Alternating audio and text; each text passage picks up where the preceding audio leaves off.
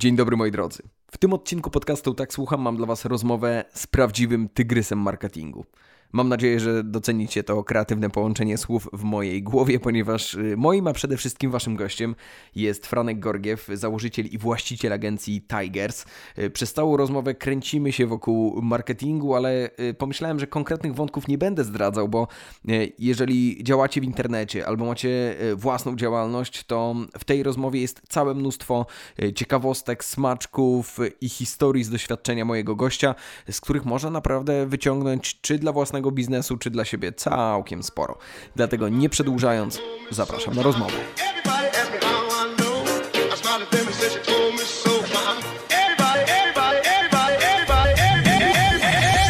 Ja na przykład dłuższy czas myślę, że tak z pół roku. Nigdzie nie, wcześniej miałem tak, że wiesz, robiłem naprawdę takie turne, że po prostu robiłem, wiesz, konferencje, podcasty, wszystko i tak dalej, tego dużo było.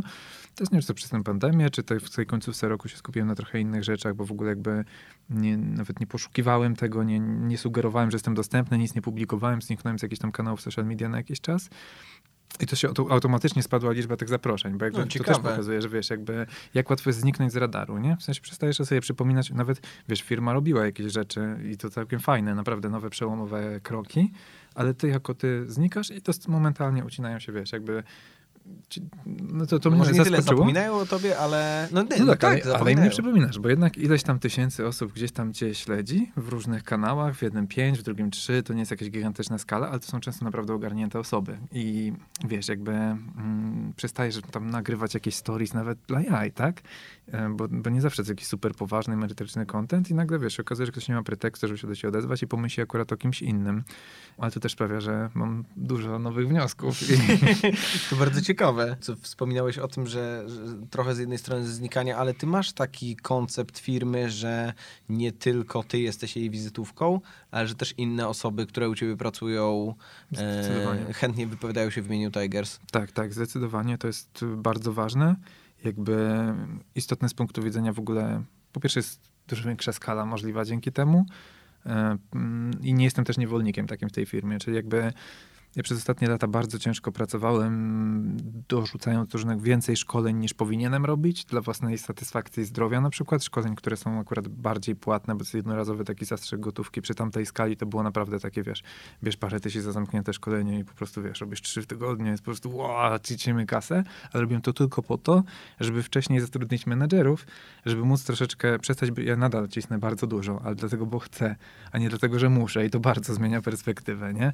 Bo jak musisz przez rok czy dwa gasić non-stop pożary, w sensie oczywiście w twojej głowie pożary, przecież jakieś firmy funkcjonują w takim stanie, no jakby jak jesteś perfekcjonistą, to jakby latasz tym kubłem wody, gasisz te pożary, no to przestaje być przyjemne w pewnym momencie. No a teraz znowu jakby jestem w stanie zadecydować nad czym teraz chcę pracować, żeby dało mi jakiś efekt, który ja sobie planuję, versus to, co było wcześniej, czyli właśnie ponaprzajmy więcej szkoleń, żeby załatać jakieś dziury, mm, bo nie wiem, pieniędzmi na przykład, tak? No i no, inne podejście. A jak, jak, jak ważne z perspektywy budowania organizacji jest to, e, że jesteś w stanie oddać kompetencje innym, to znaczy nie skupiać się tylko na, na tej mrówczej pracy, tylko złapać trochę dystans i raczej m, inaczej skupić się tylko na pracy koncepcyjnej na przykład.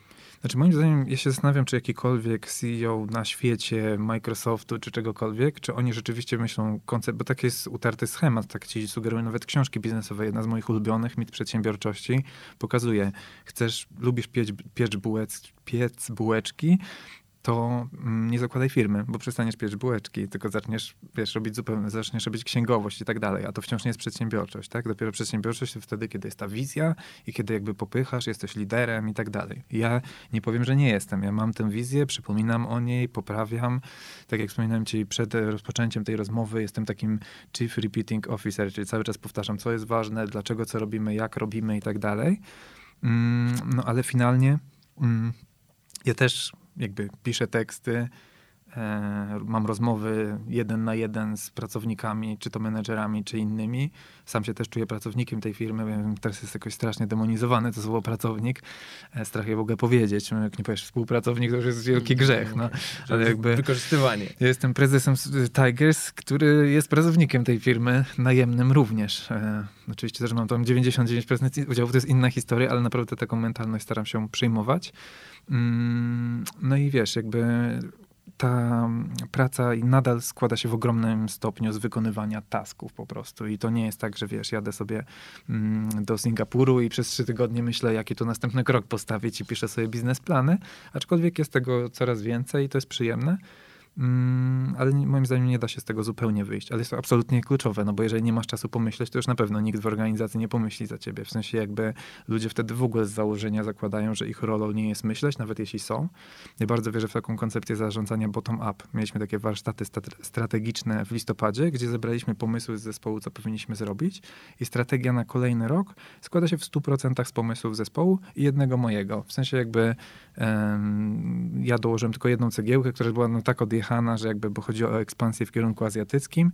Mm, I to jest, taki, to jest coś, co ja bym chciał zrobić, spróbować. Uważam, za 2-3 lata to będzie tak naturalne dla wszystkich, że trzeba tam być, trzeba się tam zacząć rozglądać. Robimy już jakąś pierwszą kampanię w Hongkongu i tak dalej. Mm, ale cała reszta to są wszystko pomysły od zespołu i to wcale nie od menedżerów tylko, mm, ale też od innych osób i uważam, że to, to jest super. I nawet jeżeli jakby często można zapomnieć o tym, że te pomysły wyszły stamtąd i one jakby znowu wracamy do takiego codziennego trybu. To nie jest jakaś utopia, w której cały czas po prostu się trzymamy za ręce i śpiewamy Hare Krishna, nasze pomysły od bottom-up i w ogóle. E, no ale w praktyce myślę, że to bardzo wpływa na kierunek rozwoju firmy i też na to, że dzięki temu szybciej rośnie po prostu. No dobra, ale jednak musisz mieć, pojawiają się pomysły, a jednak trzeba je przepuścić przez jakiś filtr i ułożyć y, w schemat działania i jednak jasno zasugerować y, współpracownikom czy mhm. ekipie, że okej, okay, to fajne, to fajne, to fajne, no ale tego nie zrobimy.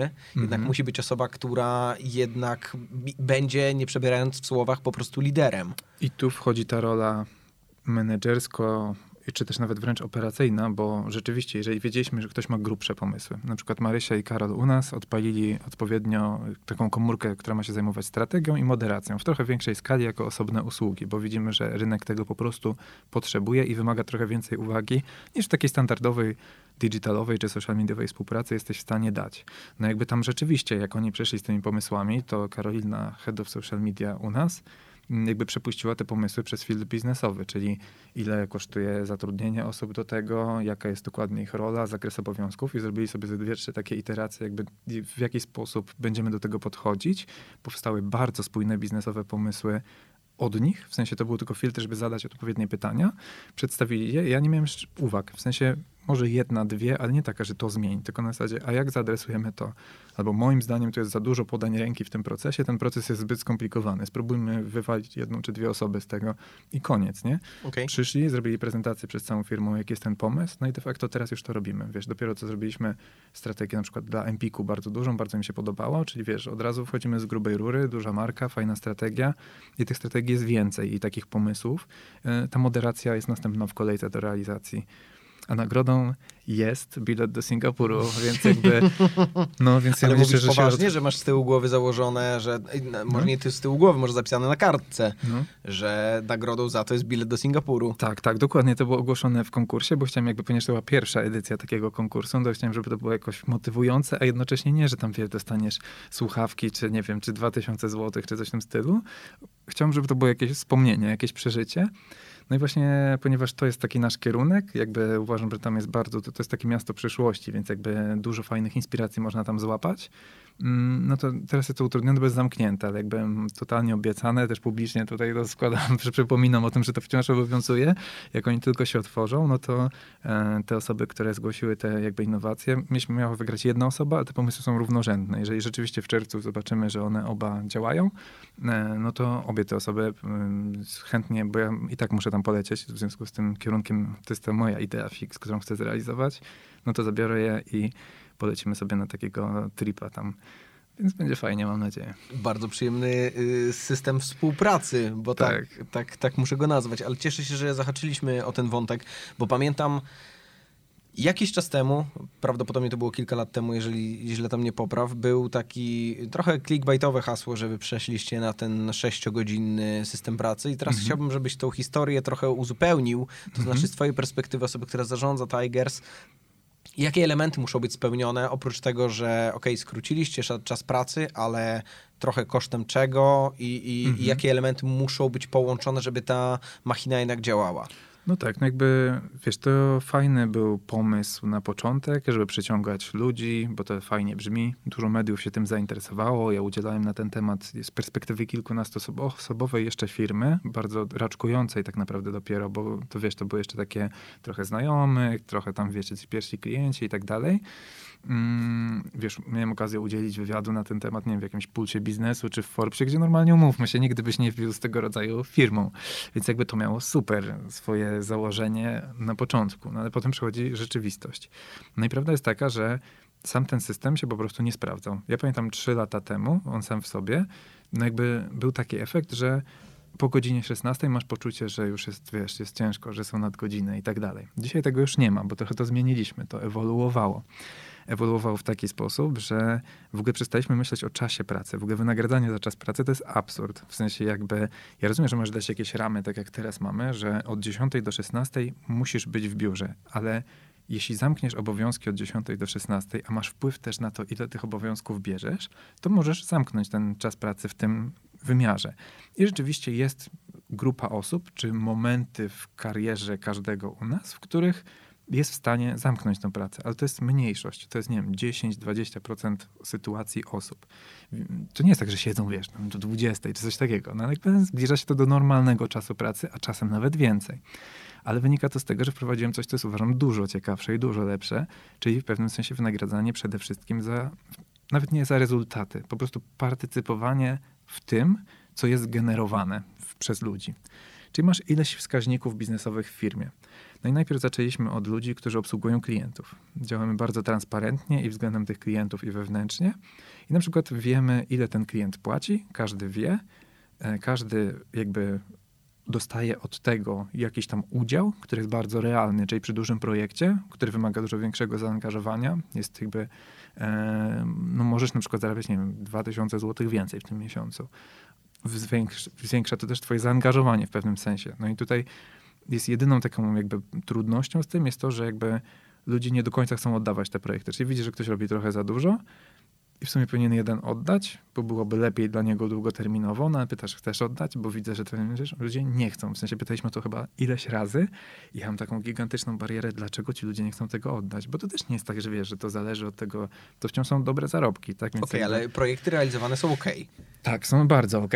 I bardziej chodzi o to, że no trochę się martwisz o tę osobę, czy na pewno to jest dla niej ok, bo jakby trochę chuchasz na zimne. Z, drugiej, z jednej strony są dorośli ludzie, a z drugiej strony no jakby może to jakby, nie wiem, no jest Twoja perspektywa, to ty widzisz, wiesz, oni widzą swoje poletko, a ty widzisz wszystkie. Tak, tak, tak. I jakby, no muszę przyznać, że to działa o tyle super, że no dobra, z jednej strony są te obawy, że ktoś weźmie na siebie za dużo, że to skłania ludzi do brania na siebie zbyt dużo, a od tego są też trochę menedżerowie, żeby to kontrolować. I zdarzało się pojedyncze sytuacje, że komuś jakby przymusowo coś zabierać. Mówimy, słuchaj, widzi, widzimy, że po prostu, że jakby dojeżdża cię to za bardzo, zabierzmy to. Ja wiem, że nie chcesz, ale to nie jest żadna porażka i tak dalej, więc, więc, więc weźmy to, wszystko jest ok. Mm. No ale jakby mm, myślę, że sam system jest naprawdę, buduje bardzo taką zdrową atmosferę w firmie, że jakby normalnie zawsze kasa jest tematem drażliwym. No bo wiesz, ile ktoś zarabia, czy więcej, czy mniej, a tutaj wiesz, że kurczę, wszystkie projekty wyceniamy tak samo. Czyli jakby nieważne, czy jesteś Amazonem, czy sklepem osiedlowym, nasz cennik, jeśli już potrzebujesz rzeczy w tym samym standardzie, jest taki sam. Więc jakby technicznie rzecz biorąc, to nie jest tak, że ten dostanie lepszego klienta czy gorszego, bo wszyscy są tacy sami. Możecie bardziej się podobać, czy nie, no mhm. ale jakby to nie jest kwestia kasy wtedy. Więc jakby skoro wiesz, że za to samo dostajesz tyle samo pieniędzy i trochę masz wpływ na to, co robisz, no to zawsze jest uczciwie i nie ma gadki o kasie. I nawet parę jest u nas osób takich już, wiesz, delikatnie po 40, jakby to mówić, po prostu z doświadczeniem zawodowym już konkretnym, no nie mówią, że to jest pierwsza firma, w której kasa nie jest problemem. W sensie nie ma rozmów o kasie, czemu ten ma tyle, czemu ten ma... Ale jest transparentność naprawdę ogromna. To nie jest tak, że wiesz, wywieszamy kto ile zarabia. No myślę, że bardzo łatwo jest, nawet nie wiem, czy ludzie to sobie kminią, dedukują. Że jest łatwo ustalić. Ale tak, jakbyś chciał się dowiedzieć, to jesteś w stanie to ustalić w 30 minut, powiedzmy, nie?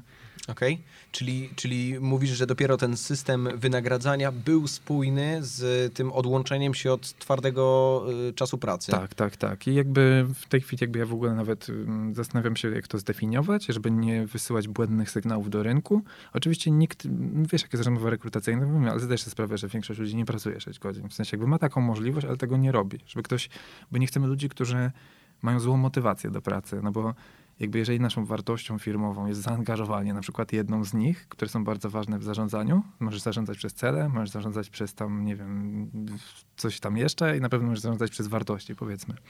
No i jeśli wiemy, że czymś wartością jest zaangażowanie, a ktoś przychodzi do nas, żeby pracować jak najmniej, no to to nie jest dobra firma dla niego. W sensie jakby nie odnajdzie się po prostu, bo jakby to na pewno nie jest firma, wiesz... Mm, szwedzkich, utopijnych, e, wiesz, wzorców, w których po prostu myślimy tylko jak się tam głaskać po główkach i tak dalej. Jakby robimy fajne rzeczy, robimy je w odpowiedzialny sposób, zaangażowany i to wymaga często przyciśnięcia. Okej, okay, czyli po prostu, no to, to ciekawe, to, to ciekawe, że takie podejście e, sprawdza się, zwłaszcza, e, zwłaszcza, że z mojej perspektywy, no faktycznie jest to trochę, no jest to niespotykany model, albo jeżeli spotykany, to bardzo rzadko. Ale właśnie też mi przypomniało twoje pytanie pierwotne, że jakby czego to wymaga i wiesz, jakby gdybyś ktoś chciał, bo myśląc stricte o krótszym dniu pracy, ja nawet ostatnio udzieliłem jakiegoś wywiadu do jakiegoś IT medium i oni pytają, co myślę o czterech dniach w tygodniu pracy. I ja mówię, weźcie się ludzie rozbieg i uderzcie w głową w ścianę. W sensie jakby krótsza praca, to jest mniejsza produktywność. Ja wiem, że badania pokazują, że pracujemy mniej efektywnie, bla, bla, bla i tak dalej, jak jest dłużej.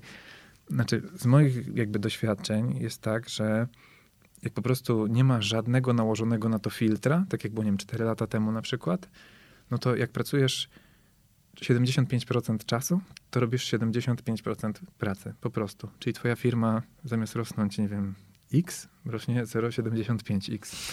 Albo w ogóle nie rośnie, tylko się kurczy. E, więc e, to trzeba obudować całym szeregiem tego, w jaki sposób zarządzasz czasem, czyli kiedy są spotkania, jak długo trwają, jak się domyślasz, krótko i na temat. E, pewnego rodzaju trzeba wyznaczyć cele, jakieś standardy, zakresy obowiązków. Wiele tych rzeczy wciąż tworzymy, żeby to udoskonalić, bo to jest jakby cały czas work in progress. Może być lepiej. Uważam, że część rzeczy, o których mówiłem, że są trudne, jak na przykład to, że jak sprawdzić, czy ktoś nie wziął na siebie za dużo, to wciąż można doprecyzować, tak? Możesz zrobić jakby na którym poziomie, jakie są kryteria, żeby wejść na jakiś poziom zaawansowania, typu tam wiesz, junior, specjalista, senior i który ile projektów może wziąć według jakiego klucza, bo możesz na podstawie tych doświadczeń z kilku lat tu ustandaryzować. No ale jakby wiesz, no, system jest fajny, ciekawy, ale pojawiają się problemy z jego definicją, żeby, żeby to dobrze opowiedzieć, nie? Bo jakby czujesz feeling, no jakby finalnie jakbyś miał przyjść na przykład z nami nawiązać jakąś współpracę, no to pewnie miałbyś szereg jeszcze dodatkowych pytań i myślisz, to w sumie będę dużo pracować, czy mało, nie? to jak no to u was jest? Ja nie umiem tego jasno wytłumaczyć, nie? Wiem, że na pewno finalnie te stawki są wyżej niż rynkowe i to nie jest tak, że ludzie siedzą i po prostu cisną jakieś dzikie nadgodziny, czy coś w tym stylu. Jest może powiedział, że może nawet bezpiecznie powiedzieć, że ilość pracy finalnie jest podobna co gdzieś indziej, nie? Bo to akurat mam duży przegląd, bo jednak przez te lata kilkaset osób przez te rozmowy rekrutacyjne się przewinęło. No jak widać, że rozmowa nie idzie, to ja zaczynam robić szpiegostwo gospodarcze. Oczywiście mówię to ironicznie, nie wyciągam żadnych poufnych danych, ale jestem ciekaw, jak inne firmy są zorganizowane, więc pytam kandydatów o rzeczy, które przy okazji pokazują jakieś rzeczy, jak gdzieś indziej działa. No i widzę, że że jakby całkiem nieźle jest u nas i trzeba to też docenić. A powiedz mi, skoro już y, złapaliśmy się tego wątku zarządzania ludźmi i, i, i całą strukturą, to jakie są twoje doświadczenia, jeżeli chodzi o przejście na pracę zdalną? Mhm. Wy teraz wróciliście do biura, czy jeszcze nie? Pracujemy rotacyjnie, czyli jakby mamy biuro ponad 200 metrów. Jest tak, że każdy ma naprawdę wystarczająco dużo przestrzeni.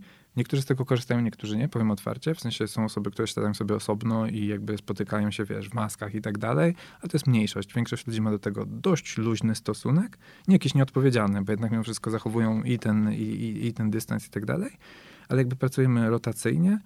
Jedyne, powiem ci tak, właśnie to jest piękne w organizacjach, które mają jakąś kulturę, że ja znam dużo firm konkurencyjnych, które traktowałem jako bardzo istotną konkurencję. E, nie ma takich firm dużo, ale na przykład docierają do mnie sygnały z tych firm, że tam wciąż, nie wiem, teraz jest styczeń, czyli mamy prawie rok, odkąd temat się pojawił, tam wciąż trwa przeciąganie liny. Głównym tematem jest wrócimy do biura, nie wrócimy do biura, wrócimy, nie wrócimy. Będą podwyżki, nie będzie podwyżek. E, będą awanse, nie będzie awansów. Jakby zapętlili się w tym i to jest taki moment, kiedy uważam, że czasem trzeba podjąć jakieś decyzje konsultacyjnie, jakby, mm, ale finalnie autorytarnie. Czyli jakby jak już mówimy, że jakoś jest, to mówisz tak jest, jeżeli ci się nie podoba, w sensie aż tak, nie musiałem mówić, ale tak z taką mentalnością mówię, okay. dobra, wysłuchaliśmy wszystkich opinii. Wiemy, co jest jakby racjonalne, wiemy, że w tych warunkach jesteśmy w stanie pracować, bo z perspektywy przedsiębiorcy masz taką sytuację, ok, tam premier Morawiecki ogłosił, że jest czerwona strefa, wszyscy spanikowali. Ja wtedy byłem w Turcji na wakacjach, w ogóle COVID-u nie widziałem, nie słyszałem. Było super pięknie, słońce, wchodzę na lokalne gazety, wiesz, jeden news dwa, wszedłem na Onet i wiesz, czerwone wszystko. Śmierć, zniszczenie, masakra. Nie lekceważę tego, wiem, że są tragedie ludzkie z tym związane, no ale jakby skala tego versus poziom paniki jakby tak statystycznie patrząc, nie, no jest mocno przesadzony. No i nie chcesz podjąć decyzji, że wszyscy spanikowali i wchodzisz w dyskusję, czy jazda autobusem jest bezpieczna, czy przez maseczki dwie osoby siedząc w jednym pomieszczeniu mogą się zarazić, czy nie. Czy musisz ozonować? Wiesz, to jest trochę, z mojej perspektywy jest absurd. Może niektórzy tak uważają, dużo większych firm jakby, żeby zabezpieczyć się przed pozwami, żeby oszczędzić na kosztach stałych, bo wtedy nie musisz kupować kawy do biura i tak dalej. Mówi, dobra, robimy, wiesz, pełną zdalną. A jakby nie chciałem podjąć w gorącej wodzie kąpany, że tak powiem, decyzji, która będzie potem obowiązywać, potem musisz wytłumaczyć, no dobra, sytuacja się nie zmieniła, to czemu mamy wrócić do tego biura i zacząć przeciągać tą linę. Więc myśleliśmy ten system pracy rotacyjnej, cała nasza rutyna operacyjna, czyli sposób spotykania się, rozliczania celów i tak dalej, w ogóle się nie zmieniła. Ja nie widzę żadnych problemów z pracą zdalną. Bardziej widzę to, że ten rok był dla wszystkich po prostu ciężki. W sensie, mimo tego, że nam szło dobrze, to były stresujące sytuacje. Też straciliśmy, wiesz, 30% przychodów tam w marcu. Wielu klientów z branży beauty. Akurat byliśmy bardzo silnie okopani w branży fitness. W sensie, to był nasz taki jeden z koników, można powiedzieć. No wiesz, no możesz się łudzić, że wypuścisz kurs online, jak tam ćwiczyć i tak dalej, ale umówmy się, jak masz ileś tysięcy karnetów, to to się nie spina. W sensie jakby niektórym się może udać, ale jakby... Nie stracisz aż tak dużo. No, no, no, więc jakby... Więc jakby oberwaliśmy w tych branżach beauty, gastro i tak dalej. Um, i, i fitness i, um, i było, było stresująco, że co będzie dalej. Mm, potem po wakacjach znowu, wiesz, kolejna fala, kolejne stresory i tak dalej, więc myślę, że w ogóle ludzie po tym roku są mocno zmęczeni, mają trochę nadzieję względem tego kolejnego. Już nie mówię tak u nas, tylko tak globalnie, że w ogóle odczuwam to tak społecznie, że ludzie czekają na ten, na jakoś taki, robią to sentymentalnie, chcą czegoś, czegoś nowego, fajnego, więc wydaje mi się, że najważniejsze dla mnie jest to, że udało nam się uniknąć tego przeciągania liny i tej w nieskończoność dyskusji o bezpieczeństwie, takim kontekście, że wiesz, będzie dwóch rabinów stało i dyskutować, czy jak położysz tyłek na termoforze, czy to jest pływanie, czy chodzenie, tak? No jakby, bo tak to trochę interpretuję, no. Bardzo fajny żart. Po, powstrzymałem, ale w serduszku, moje serduszko wybuchło ze śmiechu, więc... No, przypomina mi się, wiesz, jakby jak w Izraelu kiedyś tam byłem, to pamiętam, że oni hodują świnie na platformach bo nie mogą być na ziemi Izraela. No jakby wiesz, no jakby spoko, w sensie szanuję to na maksa, bardzo mnie fascynują tego rodzaju kultury. Biznesu? No ale jakby wiesz, no trochę tak z tym COVID-em często to wyglądało. No dobra, a z perspektywy zarządzania ekipą, bo chodzi mi o to, że tutaj rozmawialiśmy o godzinach, y, tu się zgadza, tu się nie zgadza, to kontrolujemy, nie kontrolujemy.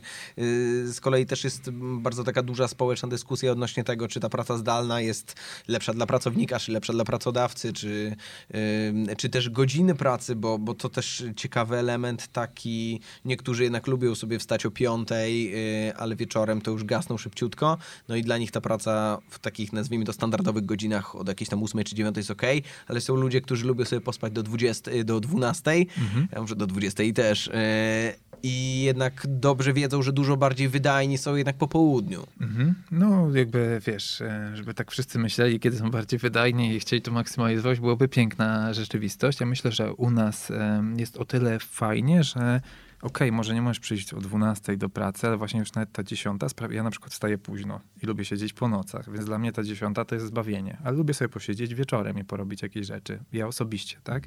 Są ludzie, którzy u nas przychodzą do biura, nie wiem, o 8.30 i siedzą do tej 16, tak? Ale jakby nikt nie mówi, że masz przyjść, masz wyrobić te godzin, tylko jakby podejmują taką decyzję. Czują się lepiej w otoczeniu biurowym, czują się lepiej siedząc z ludźmi, więc jakby mają taką możliwość, więc e, jakby abstrahując już od trudności definicji tego, jak my tak naprawdę pracujemy, to właśnie to wynika z braku kontroli w firmie, że ciężko jest to dookreślić, bo ja nie chcę narzucać jakichś sztywnych ram, ja chcę, żeby ludzie korzystali jakby z pewnego benefitu, możliwości przesuwania tych godzin. Ja widzę, że wiele osób pyta, czy jest praca rotacyjna, ale czy mógłbym być w biurze w tej turze drugiej, że tak powiem. No wiesz, no mówisz, no dobra, no w sumie czemu nie? Jeśli ktoś czuje jakiekolwiek niebezpieczeństwo z tym związane, to mamy możliwość, żeby tę osobę w pewnym sensie jakoś wyizolować, czy coś w tym stylu. To się nie dzieje, bo ktoś posiada w osobnym pokoju, siedzi i, i działa z biura i jest zadowolony. Ja osobiście w pracę zdalną, taką full, niespecjalnie wierzę. W sensie uważam, że wszystko fajnie, gdybyśmy byli w stałym składzie, który się dobrze zna, jeszcze to jakoś przeorganizowali. No jak chcesz mieć silną kulturę organizacyjną, chcesz mieć jakieś, wiesz, sprawnie działające procesy, ludzi, którzy się dogadują, lubią, to jednak ta kontakt na żywo z drugim człowiekiem no, przebija po prostu ten zdalny, tak? To jest kwestia tego, że możesz przybić komuś piątkę nawet, czy żółwika covidowego, to zmienia postać rzeczy. Jest zupełnie inna relacja, onboarding nowych ludzi, żeby poczuli, jak jest w ogóle w tej firmie. No wiesz, co to jest onboarding do firmy, wchodzisz, wielu osób się pewnie ze mną nie zgodzi, no jakby, ja wiem, że są organizacje IT, które pracują zdalnie na całym świecie i to jakoś działa, no jakby mi jest dużo bliższa taka silna kultura organizacyjna różnorodnych ludzi, którzy się godzą na jakiś wąski standard, którego się żelaźnie trzymają, że tak powiem, w żelazny sposób. No i, i to jest ciężko zrobić zdalnie. Da się na pewno, ale jakby po co, skoro można prościej niezdalnie. Okej, okay, to skoro już opowiedzieliśmy tak naprawdę tych y, kulis y, tego, jak pracujecie bardzo dużo, to chciałbym Cię zapytać trochę o, o, świeży temat, bo wydaje mi się, że z początku tego roku, czyli jak to się stało, że Social Tigers stało się po prostu Tigers. Okej. Okay. Wiesz, to są takie decyzje, które jakby musisz podjąć w pewnym momencie, im później je podejmiesz, tym gorzej, bo teraz wiesz, to jest duży koszt, w sensie i finansowy, organizacyjny, wiesz, to jest ludzie sobie nie zdawają sprawy. To jest kwestia, w każdym narzędziu musisz zmienić maile, na które się logujesz. Musisz przestawić się, żeby mówić Tiger zamiast Social Tigers. Musisz zrobić nową stronę, nowy branding, nowe stopki, zainstalować je wszystkim. To oczywiście raz się co wywali i tak dalej. Masakra. No, z drugiej strony, jakby ta organizacja była, nie wiem, dwa czy trzy razy większa kiedyś tam, no to byłoby to jeszcze cięższe. Pracy, nie? Dokładnie. I, a wszystko było jeszcze wolniejsze, bo większe firmy są wolniejsze ogólnie, więc było to bardzo potrzebne, bo to social w nazwie, chociaż się bardzo przyjęło, po pierwsze pozycjonowało nas jako agencję social media. Social media, agencja to jest tak zwany red ocean. Tam jest już w tej chwili, my akurat w tej wąskiej kategorii byliśmy swego rodzaju liderem. Nadal mam nadzieję, jesteśmy mimo zmiany tej kategorii. Mimo zmiany nazwy. Tak, tak, więc jakby ale to jest Czerwony Ocean, czyli miejsce, gdzie masz gigantyczną konkurencję, dochodzi do już zjawiska wojny cenowej. I oczywiście z pozycji lidera nie musisz w niej uczestniczyć, ale jednak cały czas cię po prostu skubią, skubią, skubią, skubią. E, inna sprawa, że w branży marketingowej social media nie są przez takich rasowych dyrektorów marketingu z dużym doświadczeniem, nie są postrzegane jako coś, czym zajmują się poważni ludzie. W sensie jakby spotkałem się, im ktoś starszy, tym bardziej, że i wiesz, możesz się kopać z koniem i próbować zmienić mentalność całego rynku. I w jakimś tam drobnym stopniu możesz jakimś kamyczek tam dorzucić w jakimś kierunku. No ale jeśli masz być postrzegany, no tak, social media, to siadasz jakiegoś juniora, on ci pisze posty i wrzuca posty. No spoko.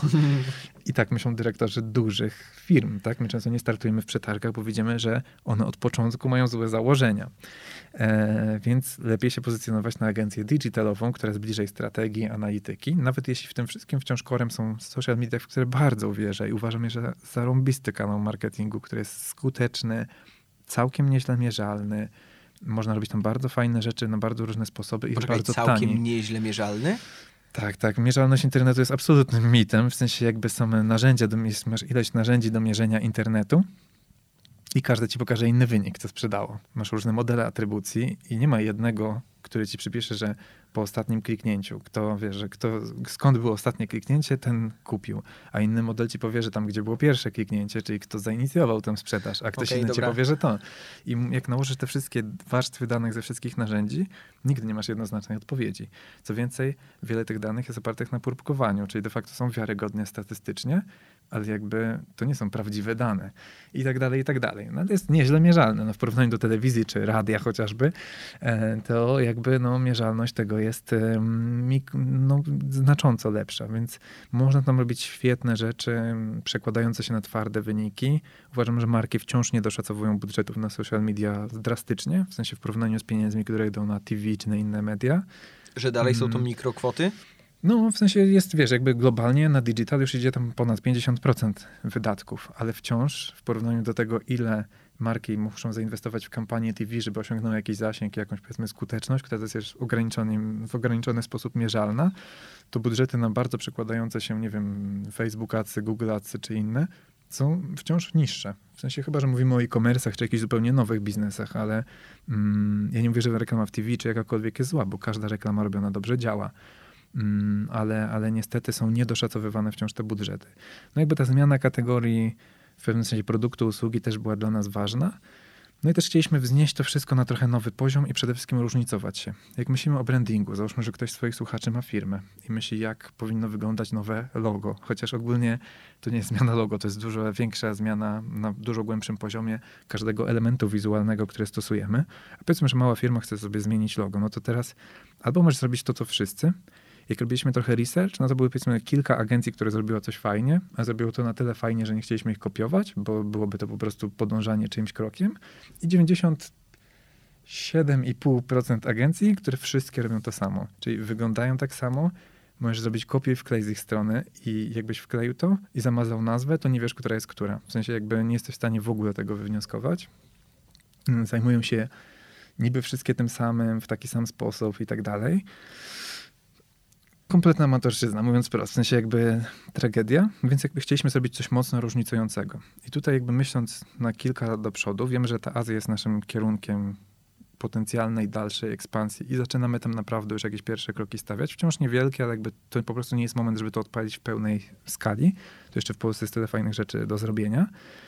Mm, więc stwierdziliśmy, zrobimy to w mocno azjatyckim klimacie pisząc innym językiem, wyglądając inaczej i to różnicowanie było jednym z takich głównych celów, że jakby chcemy, żeby ktoś zamknął oczy, spojrzał na jakiś dowolny fragment tej strony, brandbooka, posta na Facebooku, powiedział, to jest Tigers. I myślę, że to się udało. W sensie dostaliśmy bardzo pozytywne recenzje z kilku naprawdę takich instytucji, które zajmują się brandingiem co jest dla mnie bardzo ważne, bo wiesz, to czy komuś się nie po podoba, czy nie podoba, to jest inna sprawa. I tak większość komentarzy była miażdżąco pozytywna. No jakby to jest czysto subiektywne i nawet dobrze, jak się komuś nie podoba. Bo jak wszyscy mówią, że jest ok, to tak naprawdę jest bardzo źle. Mm, z drugiej strony e, mamy e, komputery, wiesz, jakby zupełnie innych marek, które mają zupełnie inne. Tak jak robiłeś reklamę e, do tego, teraz mi się przypomniało, do tego Microsoft Surface, tak? W sensie jest podkreślone, to jest for business, to jest do biznesu. Tak. Więc jakby i wiesz, że patrzysz i mają dobrze zrobioną segmentację klientów, bo wiesz, że ten dany komputer jest dla danych ludzi. I my też chcemy pokazać, że nasza marka jest dla pewnego segmentu klientów, których pewnym sensie stać na pewien standard, bo standard wykonania tych rzeczy jest bardzo wysoki. No i to jest szereg jakichś implikacji idących za, e, za tym. No. Okej, okay, to jeszcze stawiając kropkę na D przy tej całej historii, to co wspomniałeś, że to właśnie to nie jest tylko zmiana logo i ta nazwa jest bardzo losowa. Czy to prawda, że ty wymyśliłeś nazwę agencji, bo o rany, trafiłem na tą anegdotę, no. nie wiem, czy nie wiem, czy ona jest prawdziwa, że miałeś takie spodnie na siłownię, coś takiego? Tak, tak blisko. W sensie jakby ja trenowałem bardzo intensywnie sporty walki, jakby totalnie amatorsko i tak dalej, jakby to mnie najbardziej jarało na jakichś tam studenckich latach. I rzeczywiście miałem kilka nazw w głowie, które wymyśliłem zanim pomyślałem o tych leginsach, ale jak musiałem wybrać trzy różne nazwy, no to w brazylijskim jiu które trenowałem, jakby nosi się takie leginsy długie, żeby się pierwsze nie obcierać, nie łapać jakichś grzybów z maty i tak dalej, co się swoją drogą czasem potrafi zdarzyć.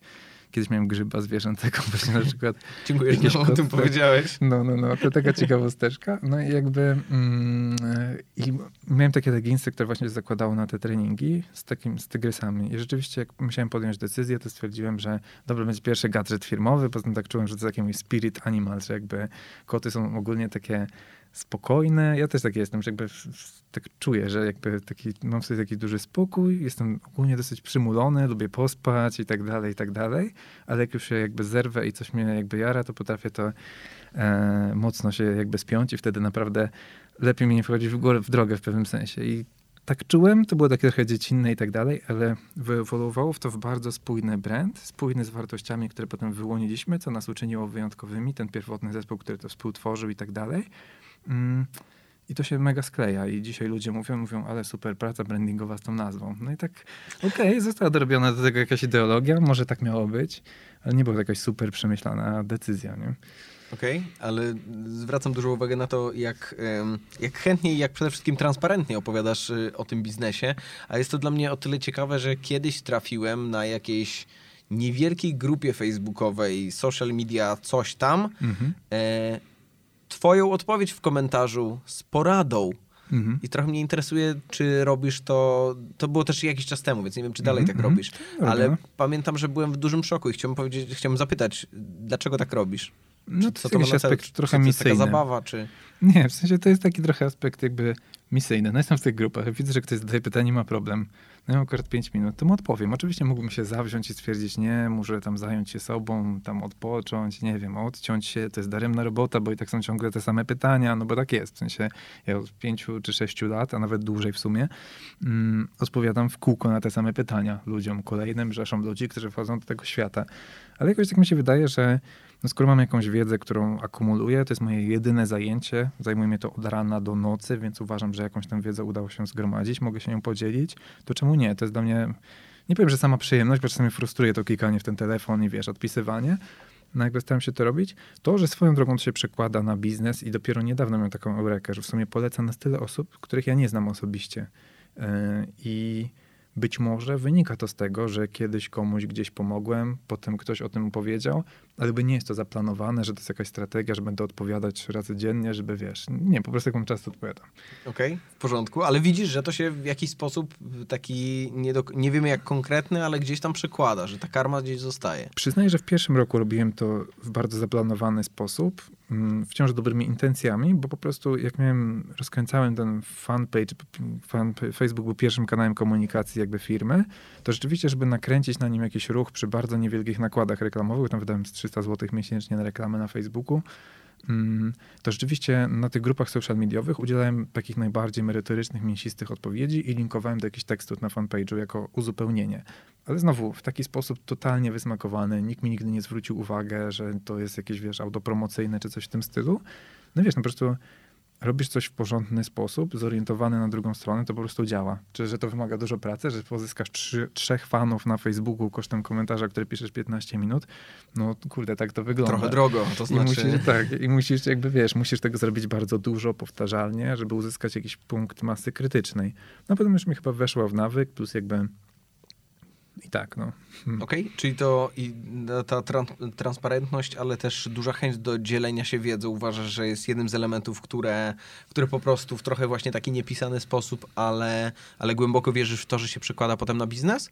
Tak, absolutnie. W sensie uważam, że jeśli miałbym, to jest też, no, też jedną z wartości firmowych, kultura wiedzy. W sensie jakby zatrudniamy ludzi, którzy chcą się rozwijać. Na rozmowach pytamy kwalifikacyjnych, jaką książkę ostatnio przeczytałeś. Dużo osób jakby ma problem z odpowiedzią na to. W sensie nie, nie szydzę, no musiałem to powiedzieć. W sensie jakby rozumiesz o co chodzi. Po prostu szukamy ludzi właśnie, którzy są w zgodzie z tym, czyli jakby są odpowiedzialni, są zaangażowani, wierzą jakby w to, że, że chcą się rozwijać, budują te kompetencje. Mm, I, I to się przekłada potem na stosunek do klientów, który jest bardziej partnerski. Bardzo nie lubię tego takiego czołobitności, że tak, panie kliencie, zrobimy coś beznadziejnego i niemądrego, ale ci nie powiemy tego, bo chcemy zarobić kasę. Tego też staramy się unikać. Mm, więc jakby i finalnie, jakbym chciał wskazać takie jakieś kamienie milowe, które też dla twoich słuchaczy mogą być właśnie jakby inspirujące w pewnym sensie, to na przykład takim dużym przełomem było to, że wypuściłem tę księgę Aców, książkę, którą dzisiaj miałem ci przynieść. Zauważyłem, że nie mam jeszcze ani jednej sztuki w domu, ja muszę cię podesłać kurierem, bo jest, e, bo, bo po prostu niedawno wyszła gdzieś tam w druku. I wydanie pierwszej edycji jako e-booka, który był dostępny za darmo, to było kilkadziesiąt stron twardej wiedzy, Podczas gdy była już moda na wypuszczanie e-booków, ale wiesz, te e-booki to było 10 stron, autopromocja, a to po prostu 47 stron poradnik za darmo, weź to i korzystaj. No i wiesz, wszyscy wow, super, zaczęli sobie polecać. Zaczął to, wiesz, nie stać cię na taką reklamę, żeby dotrzeć do tylu ludzi, jak dasz ludziom coś super za darmo i sami zaczną sobie to podawać. I tak się zaczęło dziać. Wyszła druga edycja, przez jeden dzień była za darmo, potem to pobrało za tam trzy dychy, nie wiem, 12 tysięcy osób czy ileś. Pewnie jakbym dorzucił wtedy trochę więcej kasy, a już mogłem, tylko za, po prostu zaspałem, to pewnie byłoby tych, y, tych sprzedanych jeszcze, jeszcze więcej, tym bardziej, że dużo osób bezpłatnie to pobrało. Mm, no i teraz potem wyszła kolejna w formie jakiegoś kursu, teraz jako książka i wiesz, nagle się okazuje, że jeden materiał stale aktualizowany, rozbudowany daje bardzo duży taki boost do rozpoznawalności biznesu i często widzę, że ludzie chcą robić content marketing, na przykład piszą artykuł, jak coś zrobić, tylko oni robią powierzchowny artykuł, jakich jest 150 i paradoksalnie, gdyby zamiast pisać pięć słabych artykułów, napisali jeden mega artykuł wyczerpujący temat i trochę, trochę go podpromowali, poudostępniali na grupach, to mogłoby dać 20 razy większy efekt biznesowy, niż wrzucanie co tydzień kolejnego posta na Facebooku na, wiesz, 10 linijek, które coś tam niby poradzi, ale tak naprawdę to jest wszystko takie płaskie i niezbyt niezbyt wartościowe. Czyli transparentność, no i ta wartość też, y, żeby to jednak właśnie nie było dwie, trzy strony o tym, jak założyć firmę, tutaj załóż konto w banku, potem co im załóż firmę, gratulujemy. Dokładnie. E-mail w bazie, e, bo to często, bardzo często ten, ten system taki za newsletter, nie? Żeby jednak, żeby jednak coś zostało, trzyma się. No dobra, a, a z twojego doświadczenia, na jakie e, działania takie nie stricte sprzedażowe warto przeznaczać budżet? Wiesz co, z tym jest bardzo duży problem, bo to jest mało mierzalne. I to jest jeszcze mniej mierzalne niż jakby internet, który wydaje się być mierzalny, tak jak wspominałem. Więc jakby to są rzeczy, które wymagają bardzo dużej dojrzałości biznesowej albo wyczucia. I teraz moim zdaniem każdy może to wyczuć indywidualnie, czy czuje się dobrze w formacie, nie wiem, Instagram Stories, chociaż trzeba pamiętać o dystrybucji tego, jak nakrywamy do swojej grupki, nie wiem, 300 obserwujących, to trochę szkoda pary, moim zdaniem. No chyba, że będą tak świetne, że po prostu ludzie to podadzą dalej. Znaczy jest, jest oczywiście jakiś szereg sposobów, różnego rodzaju e-booki, jakieś materiały wideo, kanały na YouTubie. Tak naprawdę każda rzecz, w której czujesz, że możesz być dobry i że to może wnieść dużą właśnie wartość do życia ludzi, to jest takie wyświechtane. Już wiesz, jak słyszę wartość, to mi się niedobrze robi, tak? To tak jak kiedyś na konferencjach cały czas się powtarzało, content jest królem, content jest królem. No, przyznam, nie mogę tego słuchać, ale taka jest prawda. W sensie jakby, wiesz, to jest tak, że słuchałem to przez pięć lat, jednym uchem wylatywało, drugim wylatywało, no i wiesz, pewnego dnia rano wstajesz i jest eureka, kontent jest królem, aleluja, tak? W sensie rzeczywiście. Dotarło. Tak, no, no i mam nadzieję, że też jakby zamiast traktować to jako frazę, że wartość, to rzeczywiście porozmawiać z odbiorcami. Mamy klientów pierwszych dziesięciu to zadzwońmy do nich, wyślijmy do nich maila, zapytajmy ich, podziękujmy ich za zakup, zapytajmy, nie wiem, co moglibyśmy zrobić lepiej, co było dla nich ważne i tak dalej posłuchajmy, jakim językiem mówią. No jak zbierzemy te informacje, to możemy z tego ulepi, ulepić jakiś kontent, który będzie trafiać jak po prostu strzała prosto, wiesz, w ich serca w pewnym sensie. No i jakby w ten sposób można zrobić coś, co ma biznesowy sens, zamiast prowadzić bloga dla prowadzenia bloga, prowadzić Facebooka dla prowadzenia Facebooka, czy nawet prowadzić podcast po prostu dla prowadzenia podcastu. No chyba się robi to hobbystycznie. No jeżeli to ma, jeżeli to ma być podcast, który promuje biznes, no to on musi trafiać w segment klientów, który nas interesuje. Musimy dobrze znać ich potrzeby, musimy zaproponować tematy, które są dla nich rzeczywiście istotne. No i trochę właśnie mówić ich językiem i dawać im jakby jak największą wartość. Często ludzie te swoje największe smaczki starają się zamknąć za jakimś paywallem, czy jakieś, wiesz, właśnie, że trzeba zostawić maila, czy coś w tym stylu. A paradoksalnie, skoro tam jest taka super wartość, ja gwarantuję, że jak ludzie zapoznają się z tą, mm, z tą dużą wartością, to dużo lepiej to zapamiętają, niż wiesz, jak sobie to 10 razy mniej ludzi, bo chcieliśmy od nich maila, z którymi tak potem nic nie robimy, więc jakby no... Okej, okay. a takie działania wprowadzałbyś... Yy w tej, w tej pierwszej fazie biznesu, czy bardziej w momencie, kiedy, kiedy on już funkcjonuje i myślisz, dobra, sprzedajemy, wszystko działa, to teraz trochę edukacji. Mhm. No wiesz, i na przykład to jest teraz, dam ci przykład, w jaki sposób trochę taki misyjnie, powiem, co zrobić w małym biznesie i tak dalej, chociaż to jest mój segment klientów. I teraz teoretycznie powinien powiedzieć coś, co będzie interesujące dla dyrektora marketingu w dużej firmie, czy w średniej nawet firmie, która ma jakieś duże ambicje. Yy, i nawet w takich sytuacjach warto o tym pamiętać i świadomie podejmować te decyzje, o czym mówię, o czym nie mówię. Ale porzucając mój interes biznesowy, jakby stricte i skupiając się na potrzebach twoich, to jest zdecydowanie na start. Czyli jakby masz dwie waluty w internecie, masz czas i pieniądze. No jakby najpierw nie masz pieniędzy, więc musisz płacić swoim czasem, swoim bardzo cennym zasobem, swoją drogą. I piszesz te komentarze, zbierasz tych ludzi po jednym, drugim, trzecim, piszesz je od rana do nocy na różnych grupach, udzielasz się polskich, angielskich, takich, śmakich, owakich.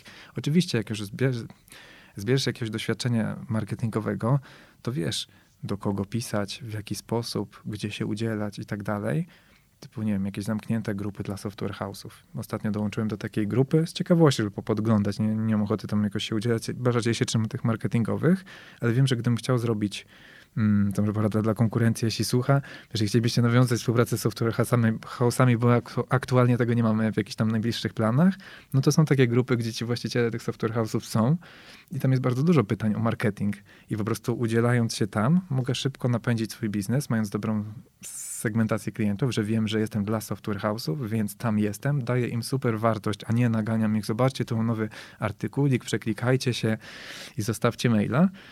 To nie jest dobre. W sensie okay. dużo lepsze było po prostu im pomóc i nawiązać z nimi jakąś relację. Mm.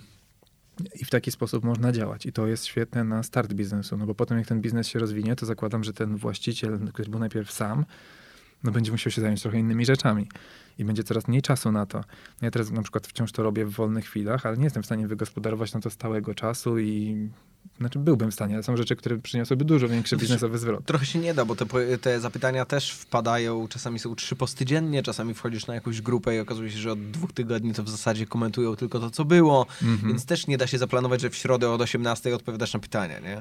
No dokładnie, to jest jakiś element y, rutyny, e, którą, którą w pewnym sensie mm, można robić. Wydaje mi się, że właśnie LinkedIn jest też takim ciekawym kanałem, jak każde medium, bo ludzie narzekają na zasięgi na Facebooku, że są niskie, bezpłatne, to jak każde medium, ta faza super wysokich zasięgów pod byle czym na LinkedInie się już skończyła, bo każde medium musi to przejść. Ludzie widzą, że są wysokie zasięgi, złażą się tam, zaczynają więcej publikować, byle czego. Ludzie coraz mniej w to klikają. No bo jest, jest coraz, więcej treści. Coraz więcej treści i zasięgi spadają. To samo jest na TikToku. My teraz jakby właśnie mamy taką sytuację, że zauważyliśmy, że dla klientów, którzy działają na TikToku, ich zasięgi stopniowo zaczynają właśnie spadać względem tego, co było pół roku temu, bo dosyć wcześnie zaczęliśmy to robić. Mm, no ale na przykład wciąż taką możliwością dla małych nawet biznesów jest reklama na TikToku. Oczywiście trzeba przeczytać umowę partnerską. Nie wiem, czy w sumie można tak po prostu wejść na te reklamy, nie sprawdzałem tego. Mamy taką umowę z partnerską z TikTokiem na chyba 70 stron, którą musiałem przeczytać. W sensie jakby e, chciałem wiedzieć, co oni tam, do czego zobowiązują. Jakbym to dał do wyceny prawnikowi, to by, pewnie sporo by to kosztowało, a sam chciałem e, też się z tym bliżej zapoznać. I mm, na tym TikToku mamy na przykład reklamy, gdzie tysiąc wyświetleń w chwili obecnej kosztuje 20 groszy. No to wiesz, jakby można zrobić kampanię o telewizyjnej skali za grosze. Oczywiście tam jest więcej młodych osób, ale nie, nie tylko młode. Też mamy pewne podstawowe możliwości targetowania. Więc takie otwarcia co jakiś czas te nowinki też są. Więc jakbym się skupił trochę na takiej pracy u podstaw w dawaniu wartości, a trochę ewentualnie poszukowaniu jakichś dróg na skróty w postaci jakichś nowych kanałów. Nie wiem, jest boom na podcasty na przykład, tak? W sensie, czy z tego tak, typu jest rzeczy. bardzo duży był na podcasty, to, to jestem w stanie um, potwierdzić faktycznie. No. no. dobra, a czasami pojawia się z tyłu głowy takie właśnie, mm, cały czas myślę o, to, o takich firmach, które, które zaczynają i, i pojawia się w pewnym momencie, jest tam, mamy produkt, będziemy sprzedawać, jest w górę tabliczka marketing, no to no, no przecież no Instagram to trzeba mieć, Facebook, no wiadomo. I teraz pojawia się, wiesz, cały wachlarz, że jednego dnia zakładamy 8 kanałów mhm. i, i co teraz? Czy bardziej robiłbyś tak, tak, że tworzył content i udostępniał właśnie tak naprawdę to samo wszędzie, czy może jednak skupił się na jednym, a, a w jakiś sposób to przekazywał, mhm. Y, zwłaszcza y, wiesz, Anno Domini 2021, kiedy to, co mówisz, tej treści jest no, mnóstwo i, i to, to, to wartość y, bije po oczach, więc wydawałoby się, że każdy post już jest taki o czymś. Tak, tak. Znaczy w sensie e, to jest jeden z najczęściej takich popełnianych stereotypowo błędów, że jakby wchodzimy we wszystkie kanały nie wiadomo po co, w sensie bez żadnych założeń. Z drugiej strony wiemy, że to są, marketing jest traktowany jako koszt, a nie jako coś, co daje wzrost firmie, więc jakby z drugiej strony nie stać nas na prowadzenie tych kanałów, no bo każdy uważa, że to jest jakby strona kosztowa, czyli jakby nie, nie, nie jest de facto to efektywne. To jest taka zabawka, którą wypada mieć, ale w sumie nie wiadomo po co. No jakby w związku z tym, na przykład jak spada do nas briefów dużo na współpracę, to my mówimy zwłaszcza tym firmom, które jeszcze nie są wszędzie, czy nie są największe, to mówimy, słuchajcie, tak chcecie wejść w to, to zacznijcie od jednego kanału i zróbcie go dobrze. naprawdę możemy za dwa miesiące dołożyć kolejne, jak będziecie chcieli i jak będzie miało to sens, ale nie wchodźmy naraz w 150 różnych miejsc, publikując setki rzeczy, które trzeba będzie akceptować, przemielić, przemyśleć i tak dalej. I bardzo szybko stracimy sens, po co to robimy, żeby tylko nadążyć za tym rytmem publikacji. Mm, ja wierzę, że w 2021 roku nadal, znaczy wierzę, twarde dane to potwierdzają, że jakby najbardziej uniwersalną bronią w marketingu, digitalowym przynajmniej, jest wciąż Facebook. W sensie Facebook i Google, czyli dwóch największych graczy. Google możemy trochę odciąć, bo jakby no to nie są stricte social media, Akurat u nas Łukasz Chwiszczuk dużo lepiej ogarnia Google'a ode mnie. Ja tam umiem coś wyklikać, ale nie jestem jakimś super ekspertem. E, w social media dużo wiem z kolei, więc jakby mogę powiedzieć, że Facebook wciąż ma najwięcej aktywnych użytkowników w wszystkich grupach wiekowych, nawet tych młodszych są aktywni użytkownicy. Dla nich to nie jest sexy. Ja wiem, że teraz znamy dużo przypadków, że ktoś u nas w rodzinie młody nie ma Facebooka. No i zapamiętujemy to, tak jak zapamiętujemy ataki terrorystyczne, bo są po prostu rzadkie, w sensie jakby zwraca to naszą uwagę, wydają się nietypowe. To jest najlepszy dowód na to, że jakby nie, nie do końca statystyki to potwierdzają. Wręcz przeciwnie, statystyki pokazały wzrost aktywnych użytkowników na Facebooku większy niż od dawna był w czasie pandemii. Mm, paradoksalnie reklamy zamiast podrożyć, staniały tam ostatnio, gdzie wcześniej konsekwentnie drożały. Wynika to prawdopodobnie z tego, że dużo wielkich marek wycofało na chwilę swoje budżety ogólnie marketingowe, zamroziły i ten średni CPM, czyli koszt tysiąca odbiorców, spadł. Więc masz najwięcej możliwości śledzenia ludzi, najwięcej możliwości różnego rodzaju celów reklamowych, które optymalizujesz pod to, żeby ludzie robili konkretne rzeczy. W sensie Facebook tak dużo wie o ludziach, że jest w stanie ci podać ludzi, którzy chętnie kupują, którzy chętnie, nie wiem, dzielą się e, komentują na przykład tego typu rzeczy i możesz osiągać bardzo twarde rezultaty przy pomocy tego narzędzia.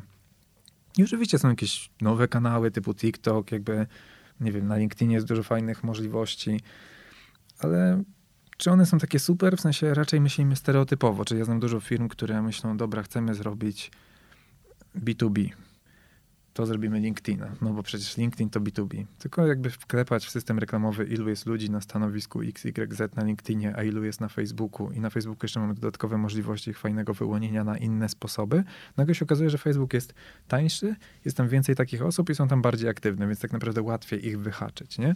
No, na to już firmy nie zwracają uwagi, po prostu takich twardych kompetencji digitalowych w firmach po prostu nie ma. W sensie jakby My to przy rekrutacjach widzimy, jak ciężko jest pozyskać kompetentnego specjalistę, który rzeczywiście coś wie, nie powtarza frazesów, tylko naprawdę rozumie, co robi, rozumie dlaczego, rozumie po co. To jest rzadkość po prostu. Nie ma takiej kultury ani w agencjach, ani po stronie klienta.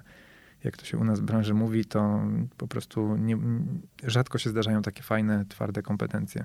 To, co wspomniałeś o marketingu, że, że jest duży problem z z przeznaczeniem budżetów, no bo on nie sprzedaje i trochę w wielu organizacjach jest właśnie na szarym końcu, na zasadzie no, jest niemierzalny i tak, i tak trochę ciężko ugryźć tę aktywność, a wy macie w portfolio bardzo dużo ciekawych y, case study. I chciałbym się zapytać o może o przykład mhm. takiego działania, które trochę jest dowodem na to, że wcale nie trzeba mieć gigantycznego budżetu na marketing, żeby mhm. on był skuteczny, fajny, e, catchy dla, dla odbiorcy, a mówię, wcale nie wiązał się z wielką kasą. Mhm. No to jakby sporo z takich moich freelancersko-początkowych czasów było te, na tych mniejszych budżetach, bo jakby teraz mamy jakiś próg wejścia, że jednak te budżety, nawet mimo tego, że wiemy, że dałoby się z mniejszego coś wycisnąć, to jakby z doświadczenia wiemy, że to jest bardzo problematyczne, bo nasza jakby obsługa sporo kosztuje, więc jakby nie jesteśmy w stanie teraz pokazać za dużo case'ów na mikrobudżetach, ale pamiętam z dawnych lat e, takie na przykład sytuacje, że Karolina, która u nas jest właśnie head of social media, która wcale w jakimś social media super oblatana wtedy nie była, bo ona się wywodzi z PR-u jako działki. Mm, był taki case, że znajomy mm, przyszedł do nas i mówi, słuchajcie, fajnie mi pomogliście przy takim i takim projekcie, takim większym, to jest taki akademik na Powiślu, słuchajcie, no tam jest mały budżet, ale no potrzebujemy ludzi tam. Dobra, jak mały jest, nie? no 500 złotych. Jezus Maria. Ale no bardzo fajna osoba, rzeczywiście nam gdzieś tam wcześniej pomogła w zdobyciu jakiegoś fajnego zlecenia. Mówię, dobra, spróbujemy. No nic nie obiecujemy. Za te 500 złotych tam zrobiliśmy sesję fotograficzną i było jeszcze drugie 500 na budżet reklamowy. No mówimy, dobra, już i tak na tym nic nie zrobimy. Zróbmy sesję fotograficzną tego Powiśla latem, wiesz, jakby ładnie, jak tam jest w okolicy, jakie są fajne pokoje. Znaczy fajne jak fajne, no w sensie taki low, low-endowy, że tak powiem, raczej akademik. Wrzućmy to w social media i się zastanówmy, jak można zrobić kampanię, żeby ona mogła coś przynieść, zanim się skończy ta kasa. No i stwierdziliśmy, że ponieważ dużo imigrantów jest z krajów, do tych akademików przyjeżdża z krajów trochę innych, nie wiem, Ukraina, Indie, tego typu miejsca, to musimy poszukać tam, bo tam jest niższy koszt tysiąca wyświetleń. No ale jak dotrzeć do ludzi, którzy chcą do Warszawy przyjechać na studia w tej rzeszy milionów ludzi, którzy tam mieszkają? No i jakby stargetowaliśmy sobie, znaczy stargetowaliśmy, Karolina stargetowała reklamę w taki sposób, że ludzie, którzy się jakoś tam interesują Warszawą, co oznacza w nomenklaturze facebookowej, że wiesz, czytali fanpage na ten temat, oglądali jakieś, wiesz, zdjęcia, strony, nawet internetowe poza Facebookiem, czyli jakoś tam się interesują Warszawą. Mieszkają w Indiach, są w wieku studenckim i jednocześnie muszą interesować się organizacjami studenckimi. No i w tym momencie, dobra, jeżeli ktoś jest 20-latkiem do 25, interesuje się Warszawą i organizacjami studenckimi i wyświetlimy mu zdjęcie, gdzie widać od razu, że to jest Warszawa, jest Pałac Kultury, czyli od razu na pierwszy rzut oka widzi, że to jest coś dla niego, jest to zdjęcie ładne, tam były tysiące lajków i klient przy tym niewielkim budżecie w pewnym momencie tam się okazało, że tam jest tylko jedna osoba, która mówi po angielsku. I oni zaczęli nas jakby dzwonić do nas, żebyśmy wyłączyli tę kampanię, bo nie są w stanie przerobić tych zapytań, które spływają. Więc jakby to był taki bardzo przyjemny case. Jeden z niewielu, kiedy ktoś nam mówi, że kampania jest no już tak skuteczna, że po prostu, wiesz, nie jest w stanie tego ogarnąć. No i można powiedzieć, że właśnie znajomość się okazuje, że właśnie bystra osoba, jakiej powiesz, jakie są możliwości, to nawet jak nie ma dużego doświadczenia, to sobie sklei z tego jakiś fajny zestaw sposób myślenia też poza facebookowy, czyli jakby kogo szukamy tak naprawdę, dlaczego tu, dlaczego nie tam. Można z tych kompetencji digitalowych naprawdę fajne rzeczy robić. No i wolałbym, żeby to było tak postrzegane, a nie, że wiesz, junior na klepie postów i wrzuci, tak? No bo jakby w ten sposób to raczej mm, musimy make social media great again zrobić, czy tak powiem. Ale wspaniały przykład, naprawdę. I, i, i też, te, no, umówmy się, mikrobudżet, bo to rozumiem w skali miesiąca, czy po prostu na całą, na całą akcję? To było na miesiąc, w sensie okay. tam, aczkolwiek ona się skończyła po trzech tygodniach, więc jakby no to wiesz, jakby... Okej, okay, czyli jedno, jednorazowo po prostu. No, no, no. Tam była gotowość do kontynuacji, jakby no był totalny brak przekonania, że to zadziała. I powiem tak, w przyszłym semestrze stwierdziliśmy, skoro mamy takie know-how, to podpiszemy umowę, że od każdego pokoju mamy tam ileś procent. Ale okazało się, że tam była jakaś, była ta afera reprywatyzacyjna w Warszawie i niestety zamknęli ten budynek, więc moja szansa na deal życia, już 7 pięter, 7% z każdego pokoju można zostać, wiesz. O, nie wiem jakie, jakie są stawki, ale podejrzewam, że w akademikach takie mocno... Siedem no, pięter, zawsze, wiesz, nie? Tylko już do grosza i się zypnie. Zawsze, zwłaszcza można by sobie odbić ten budżet z pierwszej imprezy, no tak. e, który, który, który przyjemnie, by, y, przyjemnie by wrócił. Ale zastanawiam się o tym, co opowiadasz trochę y, spinając y, całość naszej, naszej rozmowy odnośnie takiego mm, kreatywnego i nie stricte zadaniowego podejścia do socjali. Powiedz, jak, jak obserwujesz i, i rozwój Tigers, i, i, i swu, swoje zaangażowanie w social media, to jak złapać tą perspektywę z boku? No bo jednak operujemy na liczbach, yy, znaczy pracujemy, pracujemy na liczbach, tak? Na, na, są konkretne zadania do wykonania yy, i, i to, co mówisz, yy, pojawia się, no nie chciałbym użyć słowa masówka, ale trochę tak, że mhm. jednak to kojarzenie, y, zwłaszcza jak się zerknie właśnie na jakieś grupy, to praca w social media oznacza tutaj no, posty za 10 zł, to ja ci zrobię tak. takie, ja ci zrobię takie. zmierzam do tego, jak złapać tą perspektywę z boku, żeby jednak trochę bardziej kreatywnie, mhm. o, no takie same wyświetlane słowa się pojawiają. Rozumiem, o co ci chodzi. W sensie, no, nie, nie, no to jest właśnie ciężkie do uchwycenia, nawet, nawet ciężko to nazwać, jakby ja to, to, to totalnie rozumiem. Mamy trochę na to takiej... Mm, jakby tak operacyjnie mamy na to patent, to się nazywa model kompetencji w formie litery T. T-shaped tam coś tam, coś tam po angielsku. W każdym razie polega to na tym, że masz jedną wąską specjalizację. Na przykład mamy ludzi, którzy są bardzo dobrzy w Facebook i Google Adsach i są w stanie to połączyć, jakby łączą dwa najważniejsze systemy reklamowe w spójną całość i wiedzą, kiedy przerzucić do Google'a, w czym zrobić retargeting i tak dalej. Twarde kompetencje, ale to nie są ludzie tak jak mediowcy w domach mediowych, czyli osoby, które tylko i wyłącznie takie rzeczy robią, bo jak trzeba zadzwonić do klienta i z nim pogadać i jakby nie robić tego w taki sposób, no nie wiem, delikatnie autystyczny, bo często te osoby tabelkowe są takie mniej otwarte do ludzi. Nie, ci ludzie muszą też potrafić na jakimś przyzwoitym poziomie nawiązać relację z klientem, fajnie z nim porozmawiać, gdzie normalnie byłby do tego w innej agencji dedykowany account, który ma tylko gadać, a ktoś inny ma robić tylko reklamy. Ale jak ta osoba, która ma tylko gadać, ma opowiedzieć o reklamach, no może zabrać ze sobą, robi. tak, może zabrać ze sobą osobę na spotkanie, no to płacisz dwa razy za roboczą godzinę i te osoby wciąż jakby nie mają wspólnego języka. E, oprócz tego ta osoba, no fajnie, żeby miała jakieś podstawowe wiedzę, podstawową wiedzę, jak się tworzy kreacje reklamowe. I nie chodzi o to, że ona ma być grafikiem, bo to była patologia. Mamy studio graficzne osobne, które robi te kreacje reklamowe. No ale jeżeli nie rozumiesz jakichś elementarnych podstaw designu, to jak możesz briefować grafika na to? No w sensie on nie pomyśli za ciebie, on ma ileś zadań dziennie i nie jest w stanie jakby rozkminiać każdego, o co tobie tak naprawdę chodziło. Czyli masz jedną bardzo silną specjalizację na bardzo wysokim poziomie i szereg kompetencji na trochę niższym poziomie, ale na tyle wysokim, że jesteś w stanie nawiązać rzetelną rozmowę jako doradca klienta. I moim zdaniem to jest odpowiedź na to, że z jednej strony możesz właśnie zdobyć kompetencję jakąś, wiesz, mocno kreatywną, to jesteś świetnym grafikiem, ale jak nie rozumiesz, jak działa system reklamowy Facebooka w jakichś podstawowych, jakby, jak działa, wiesz, jak ludzie konsumują ten newsfeed, jak go przewijają, no to jak masz robić kreację pod to? A niestety z moich doświadczeń, ja widziałem dużo tych firm od środka i nie tylko na rozmowach kwalifikacyjnych szkoliłem te firmy, często jakieś największe agencje domy mediowe, moim zdaniem ten model się nie sprawdza i my jesteśmy w stanie kleić większe projekty z ludzi, którzy są w czymś bardziej wyspecjalizowani, a w czymś mniej, Dlatego też płacimy ludziom trochę więcej, dlatego też jakby dajemy takie możliwości mniejszej kontroli nad nimi, no coś za coś. Wymagasz więcej, dajesz więcej, zaczynasz tworzyć taki trochę team komandosów. A z, z kolei tak bardziej z perspektywy ogółu, już odchodząc od, od tego, jak my to rozwiązaliśmy, ja uważam, że mm, mało osób łączy twarde kompetencje digitalowe z takim klasycznym marketingiem. I zwróćcie uwagę, że marketing się nie zmienił przez ostatnich ileś tysięcy lat tak naprawdę. W sensie jakby, jak sobie zobaczę, że gliniane tabliczki Hammurabiego, e, czy epos o Gilgameszu, a potem jakąś księgę zmarłych tam egipską, która jest na papirusie, nie na tabliczkach, ale wciąż polega na czytaniu tekstu i oglądaniu jakichś tam obrazków, tak? Potem masz prasę, książki szyte, potem prasę drukarską, a potem masz internet i cały czas robisz to samo. Zamiast stron po prostu scrollujesz Facebooka.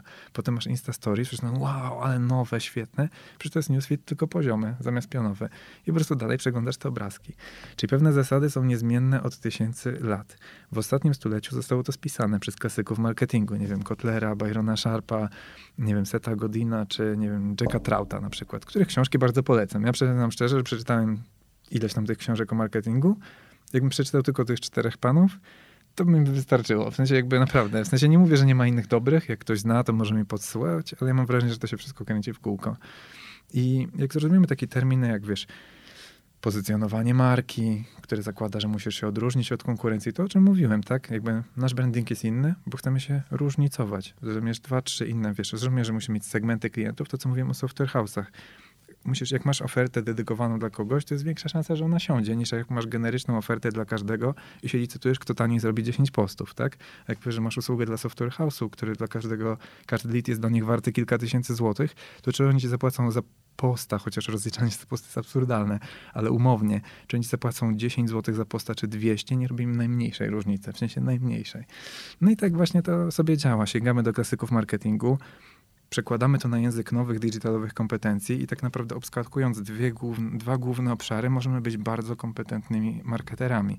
To nie jest wcale aż takie trudne, to nie jest jakieś rocket science. No, ale z jakichś przyczyn tych marketerów, jakby takich fajnych, mocnych, nie ma tak dużo. W sensie jakby, mm, no ich poznałem ileś tam dziesiąt osób co najmniej, ale jakby, no bywa ciężko, że tak powiem. No myślę sobie, że ten y, próg wejścia jest bardzo, że tak powiem, niski, no bo jest to taki mm -hmm. temat, wiesz, no y, zresztą y, kierunki studiów, jakiś tam reklama i marketing, czy marketing, marketing i zarządzanie, o, no oczywiście, no. przecież dwa hasła, które momentalnie ci się w głowie układają, no marketing czy promowanie, jak tam tak. i tak dalej, opowiadanie. To się kończy na nie, więc jakby można... Tak, zarządzanie, więc jaki problem nauczyć się zarządzania czegoś, więc myślę sobie też o tym, ale chciałbym cię, Franek, jeszcze zapytać o, mm, o, o, o trendy marketingowe mm -hmm. na rok Y, ten, który piękny nam się zaczął, to co mówiłeś też na początku, wszyscy z tyłu głowy mają nadzieję, że będzie dużo lepszy, inny y, od, od tego, który się skończył. Jak patrzysz na to, co teraz będzie w jakiejś takiej szczególnej hoście? Wiesz co, jeszcze z tym marketingiem i zarządzaniem jedna rzecz tylko. Dobra. Bo to jest mega ważny kierunek i tak naprawdę dużo ważniejszy niż trendy, bo ja bym ci powiedział, że musiałem napisać ileś artykułów, jakie będą trendy na przyszły rok i byłbym w stanie ci powiedzieć, kilka, w sensie tobie, twoich słuchaczom przede wszystkim jakieś, wiesz, parę rzeczy typu właśnie TikTok Ads, o których wspominałem, bardzo tanie, jeszcze przez jakiś czas będą bardzo tanie, warto eksplorować. Czy nie wiem, no tam wciąż reklamy na Instagramie są tańsze niż na Facebooku i wciąż to jest tanie, wciąż jakiś shopping na Instagramie się zaczyna. Więc jakby w pewnym sensie odpowiadam na to pytanie, mając z tyłu głowy, że to nie ma tak dużej wartości, bo za miesiąc, za dwa, za trzy, za sześć to się trochę zmieni. Mhm. A ja bym chciał zwrócić uwagę na te rzeczy, które są absolutnie niezmienne, czyli właśnie jeszcze raz powtórzyć, żeby weź usiąść z kartką, jak masz jakiś biznes i wyłoń te cholerne segmenty klientów. I to nie jest łatwe. Ja po czterech latach wciąż nie miałem segmentacji klientów. Ja nie wiedziałem, z kim chcę pracować, z kim nie. Jak to w końcu zrobiłem, znaczy zrobiłem, w sumie zespół to zrobił, robiąc biznes canvas dla każdego działu, totalnie oddolnie i w ogóle w to nie ingerowałem, ale jakby czuję, że to jest moje, no bo jakby cieszę się, że to powstało i jakby przyjmuję to tak, jak wymyślili, biorę to i mówię spoko, fajnie, że to mamy wreszcie. Mm, masz tę segmentację, wiesz o czym pisać te treści. Czy ty je napiszesz na TikToku, na Instagramie, znaczy nagrasz, czy wiesz, czy napiszesz na Facebooku, czy na blogu, będzie totalnie wtórne. Tak samo, czy ten ruch przyjdzie stąd, stąd, stąd, czy zapłacisz za kliknięcie 20, czy 30, czy 50 groszy, będzie totalnie wtórne. Więc jakby segmentacja klientów, pierwsza rzecz. Druga rzecz, to jest coś, czego nie poruszałem i w ogóle chciałbym, żebyśmy zamiast właśnie pogoni za trendami, żebyśmy się zastanowili, w czym jestem inny niż konkurencja.